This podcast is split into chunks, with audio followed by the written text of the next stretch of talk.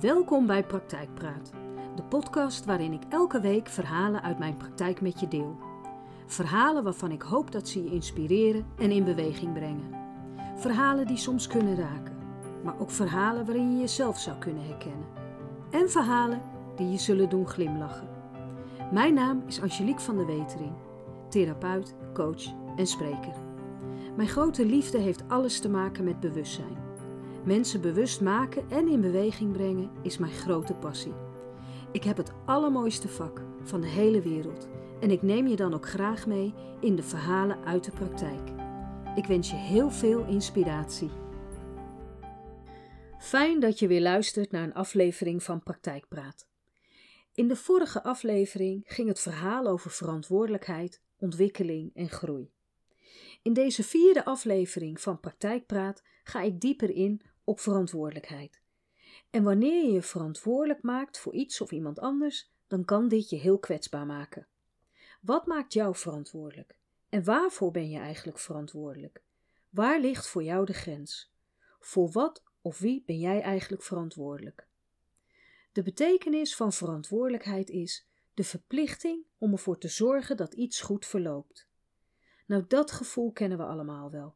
Dat we ons een soort van verplicht voelen om een ander te helpen en ervoor te zorgen dat dingen goed verlopen of op hun pootjes terechtkomen. En wanneer dat een ander goed bevalt, dan kun je de klok erop gelijk zetten dat deze je regelmatig weet te vinden. Je verantwoordelijk voelen betekent niet automatisch dat je ook verantwoordelijk bent. En toch gaat het daar vaak mis. Zoals bij de jonge dame in het volgende verhaal uit mijn praktijk. Het is druk. En in een paar gestolen minuten werk ik nog even een dossier bij, wanneer de telefoon gaat. Laat maar gaan, denk ik nog. Ik bel straks wel terug. Er bekruipt me een gevoel dat ik toch moet opnemen. Ik noem mijn naam en het blijft even stil aan de andere kant van de lijn. Ik heb je naam van mijn huisarts gekregen, al een maand geleden. En steeds vaker neem ik me voor je te bellen, maar de drempel was te hoog. Nu sta ik op een punt dat ik het niet meer kan. Het is op, ik ben op. Ik hoor een snik en luister aandachtig naar wat ze vertelt. Ze vertelt zoveel tussen de regels door. Veel later dan ik had gewild zit ze tegenover mij. Een vermoeid ogende jonge vrouw. De spanning die ze voelt, kan ze niet meer verbergen. Sorry, zegt ze en slaat haar ogen neer. Wanneer ik net iets te lang stil blijf, vraagt ze: Kun je me alsjeblieft vertellen hoe ik mezelf weer terug kan vinden? Ik weet niet meer wie ik ben. Ze kijkt me met een doffe blik aan.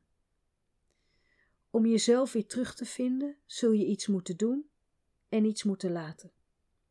Al van jongs af aan is er een emotioneel beroep op je gedaan. Je was het zonnetje in huis en wanneer je maar deed wat er van je verwacht werd, waren je ouders blij en tevreden. En jij? Je wist niet beter en deed je best het iedereen naar de zin te maken. Toen je ouder werd, deelden ze hun zorgen en ruzies met je, maakten ze jou verantwoordelijk voor de sfeer in huis. Het viel je zwaar, en steeds vaker zag je dat het er bij vrienden anders aan toe ging. Maar ook je vrienden wisten je te vinden, want jij had altijd wel een luisterend oor en wist altijd wel wat te doen. En nu, jaren later, heb je zoveel gegeven dat er maar weinig over is voor en van jezelf. Tranen rollen over haar gezicht. Wat moet ik doen en laten? Inzien dat jij niet verantwoordelijk bent voor het geluk en de gemoedstoestand van een ander. Jij bent alleen verantwoordelijk voor jezelf. En daarin kun je niemand tekort doen. Want weet je, lieverd, zij hebben hetzelfde cadeau gekregen als jij: een eigen leven. Een leven waarin ook zij kunnen doen en laten wat bij hen past. En omdat je niet verantwoordelijk bent voor een ander, kun je ook niemand tekort doen.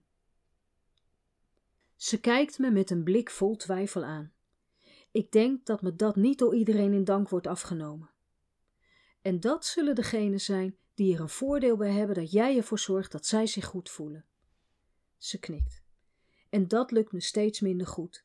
Ik kan het niet meer oplossen. Ze veegt de tranen uit haar gezicht. Wanneer een ander iets niet kan of lastig vindt, is het de bedoeling dat diegene er iets mee gaat doen en ervan leert. Wanneer jij dat doet, lost het niets op. Jij bent immers niet degene die daarmee om moet leren gaan. De kans is zelfs groot dat je steeds vaker het gevoel hebt dat je hierin faalt. Ze gaat rechtop zitten. Nu valt er een muntje. Dat is wat ik steeds voel, dat ik het niet kan. Ik voel me schuldig dan. Ik kijk haar aan en zie dat ze heen en weer geslingerd wordt tussen alle emoties die ze voelt. Weet je ook waarom het niet lukt? Je kunt niet oplossen wat niet van jou is. Wat maakt nou dat je niet kunt oplossen wat niet van jou is? Ik ga ervan uit dat we allemaal iets komen doen in het leven. We hebben allemaal wat te leren. En die les is niet voor iedereen hetzelfde. Stel dat je wilt leren nee zeggen. Dan kun je mensen om je heen verzamelen die jouw grenzen aangeven en jouw kolen uit het vuur halen. Maar daar leer jij in de regel helemaal niets van. Dat is waarom je niet kunt oplossen wat niet van jou is. Je kunt niet oplossen wat niet van jou is. Klinkt logisch, maar wanneer je dingen of problemen van een ander persoonlijk maakt, is het lastig te zien wat van jou is en wat niet. En wanneer er van kinds af aan een emotioneel beroep op je is gedaan, zul je later moeten leren wat verantwoordelijkheid inhoudt en waarvoor je verantwoordelijk bent en waar voor jou de grens ligt. We hebben allemaal onze moeder bijvoorbeeld wel eens horen zeggen: Doe dat maar niet, daar maak je mama heel erg verdrietig mee. Dit lijkt een onschuldige opmerking. Maar wanneer opmerkingen als deze regelmatig worden herhaald, gaat een kind zich verantwoordelijk voelen voor de gemoedstoestand van zijn of haar ouder. En dat gevoel beïnvloedt het gedrag van het opgroeiende kind, zoals je in het verhaal hebt kunnen horen. Wanneer een situatie of probleem dat niet van jou is, gepaard gaat met veel emoties, zijn we sneller geneigd ons verantwoordelijk te voelen. Vooral wanneer we er dingen in herkennen, doordat we het bijvoorbeeld zelf hebben meegemaakt. We kunnen het dan op onszelf gaan betrekken. We plakken de emoties die we toen gevoeld hebben op de situatie. En zo voelt het al een beetje van ons. Het idee dat je wel moet helpen, omdat jij degene bent die weet hoe het voelt en omdat je ook daar bent geweest, doet de rest. En voilà. We voelen en maken ons verantwoordelijk voor dat wat niet van ons is. We vergeten dat we het al een keer hebben meegemaakt en soms ook wat we ervan geleerd hebben, want wat overheerst is een herkenning van emoties. We voelen het weer en ervaren het daardoor weer en zien het weer voor ons. En zo kunnen we vrijwillig op herhaling gaan. Een ander verhaal is het wanneer je met de ervaring die je toen hebt opgedaan een ander kunt helpen aan ideeën hoe ermee om te gaan. Daarvoor hoef je het hele circus niet nog een keer te doorvoelen en in gedachten mee te maken. Hou emotioneel ook afstand. Het is immers niet van jou. En ook al lijken de situaties op elkaar en heb je soortgelijke emoties gevoeld, de situatie is toch echt anders. En ik benadruk nog een keer: niet van jou. Want hoe we dingen ervaren hangt van meerdere factoren af. Wat hebben we meegemaakt? En welke ervaringen hebben we daaruit gehaald? En ook wat we hebben meegekregen van huis uit en zelfs waar je ouders in hebben geloofd. Hun overtuigingen kunnen diep geworteld zitten in jouw denkwijze. Wanneer zij ervan overtuigd waren dat je bijvoorbeeld mensen niet kunt vertrouwen, het leven altijd problemen oplevert, of er na geluk altijd ellende komt, dan kun je je misschien voorstellen dat dit je gedrag en handelen beïnvloedt. Je zult je misschien sneller herkennen in probleemsituaties, omdat je gelooft dat er altijd wel ergens ellende achter vandaan komt. Of het nou van jou is of niet, herkenbaar zal het zeker zijn. En wanneer we iets herkennen, zijn we geneigd ons eraan te verbinden. Zo ontstaat er een bevestiging dat wat je van je ouders hebt geleerd ook echt waar is. Aan de andere kant, stel je ouders hebben je geleerd dat er altijd oplossingen en mogelijkheden zijn. En ze hebben je vooral geleerd om naar de mogelijkheden te kijken. Je zult dan veel minder geneigd zijn je te verbinden aan de uitkomst van een probleem. Je gaat op zoek naar een oplossing en je zult al snel mogelijkheden zien, want dat is waar je ouders in geloofden en dat is wat ze je hebben laten zien en geleerd hebben. Onderzoek wat je hebt meegekregen en waar geloof je in? Is het helpend? Met andere woorden, helpt waar je in gelooft je naar het punt waar je heen wilt. We gaan terug naar het verhaal. Mijn laatste zin: je kunt niet oplossen wat niet van jou is, komt binnen. Ze slaakt een zucht en vraagt: Voel ik me daarom zo'n loser, alsof ik niets kan? Ik glimlach en zeg: Ik zou jou zeker geen loser noemen. En je loyaliteit aan de mensen om je heen bewonder ik. Alleen maakt het jou ook erg kwetsbaar. Doordat je niet kunt oplossen wat niet van jou is en dat toch steeds probeert, creëer je je eigen teleurstellingen zonder dat je het doorhebt. En dat maakt kwetsbaar. En niet op een positieve manier. In kwetsbaarheid kan heel veel kracht zitten, maar niet in een setting waarin je steeds weer je eigen teleurstelling creëert. En deze teleurstellingen zorgen ervoor dat je steeds harder je best gaat doen. Misschien zelfs wel gaat pleasen. Langzaam verlies je uit het oog wat goed is voor jou en ben je alleen nog maar gericht op de ander. Er valt een stilte.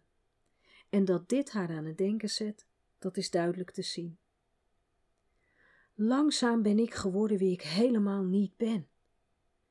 De emotie waarmee ze dit zegt raakt mij. Ik ben me hier helemaal niet bewust van geweest. Jezelf niet zijn, dat maakt je pas echt kwetsbaar. Een versie van jezelf maken die je in werkelijkheid niet bent. En die versie is vaak gebaseerd op wat we zelf hebben ingevuld, op basis van wat wij denken dat de ander wil zien, of wat de ander vindt dat goed is. De reden waarom juist die versie je kwetsbaar maakt, is omdat deze niet uit jezelf komt. Het komt uit je buitenwereld. Met andere woorden, wie jij bent hangt af van wat een ander van jou vindt. Vindt een ander iets niet leuk aan jou, dan ben je al gauw niet leuk. Vindt een ander jou egoïstisch, dan ben je al gauw egoïstisch. Door belangrijk te vinden wat iemand van jou vindt, gebruik je iemand uit je buitenwereld om te weten wie je bent. En wie je bent hangt dan af van de mening van de ander. Met andere woorden, je laat een ander vertellen wie je bent. En dan ben je pas echt kwetsbaar. Je zult namelijk heel veel moeite moeten doen om die versie in stand te houden. Je zult je veel met anderen bezig moeten houden om de versie die je van jezelf hebt gemaakt in stand te houden. En dat is dodelijk vermoeiend. Stel dat je, wanneer je hierover nadenkt, je beseft dat jij dat ook doet, jezelf anders voordoen en een versie laten zien van jezelf die je eigenlijk niet bent, wat is het dan wat je doet wat eigenlijk niet bij jou hoort? En belangrijker nog, wat hoort wel bij jou? Om daarachter te komen, zul je allereerst het beeld waarvan jij denkt dat de ander van jou heeft, los moeten laten. Kijken naar je eigen beeld. En deze beelden vind je niet in je buitenwereld. Die vind je binnen in jezelf. Wat kan helpen is je gevoel. Voelt hoe je over jezelf denkt en hoe je jezelf ziet, voelt dat goed. Dan zit je in de juiste richting. En vraag jezelf ook af waarom het goed voelt. Is het omdat dit bij je past? Of misschien wel omdat je voelt dat jij dit bent. En wat voor jou goed voelt, zal niet voor iedereen goed voelen. Wat jij vindt, zal niet iedereen vinden. Waar jij in gelooft, daar zal niet iedereen in geloven. En wat jij doet, zal niet iedereen doen. weet je wat daar nou zo mooi aan is? Dat hoeft ook niet, want ze hebben precies dat wat jij ook hebt: een eigen leven. Daarin kunnen zij voelen wat ze willen voelen vinden wat ze willen vinden, geloven wat ze willen geloven en doen wat ze willen doen. Hoe fantastisch is dat? Leren wie je bent door kwetsbaar te zijn. Laat je zien hoeveel kracht hierin schuilt. En wanneer je jezelf goed kent en weet wie je bent, dan kun je alleen maar glimlachen wanneer iemand je probeert te vertellen wie je bent. Bewust worden van je eigen kwetsbaarheid. En daardoor leren wie je bent en wat voor jou belangrijk is. Dat is zo'n mooi proces. De dame uit het verhaal leerde door haar eigen kwetsbaarheid waar ze wel en niet verantwoordelijk voor is. En wanneer ze voor de laatste keer bij mij aan tafel zit, kan ik alleen maar glimlachen. Voor jou. Ze schuift een doos merci naar me toe en zegt: Wat heb ik veel geleerd. En iedere dag weer ben ik me bewust van wie ik ben en hoe ik mijn eigen leven wil leiden. Met EI. En ik hoor jou regelmatig zeggen: wees je bewust van wat je doet. En voor wie? En is het van jou? En dat, dat neem ik mee als mijn life quote. Wanneer ik je dit zo vertel, dan krijg ik weer kippenvel. Bewustzijn, je bewustzijn, een van de belangrijkste dingen in mijn ogen. Wat hou ik toch van mijn vak? Dit was weer een aflevering van Praktijkpraat. Stel dat je na het luisteren van het verhaal een vraag hebt, of je hebt een mooi onderwerp voor een aflevering, mail me dan. Dat kan naar info apenstaartje angeliekvandewetering.nl Dank je wel voor het luisteren en heel graag tot de volgende keer.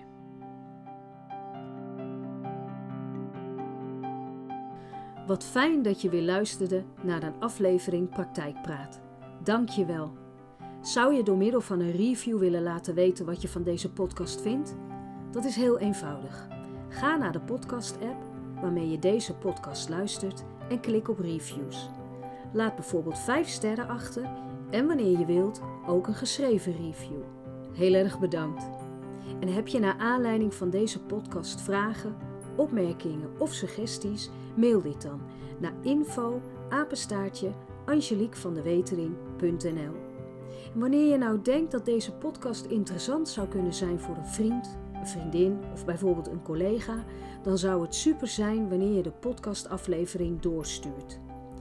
Wil je alle podcastafleveringen overzichtelijk onder elkaar? Abonneer je dan op deze podcast. Klik in je podcast-app op de button subscribe of abonneer. En elke keer als er een nieuwe aflevering gepubliceerd wordt, ontvang je automatisch een berichtje. Nogmaals, dank je wel voor het luisteren en heel graag tot een volgende keer.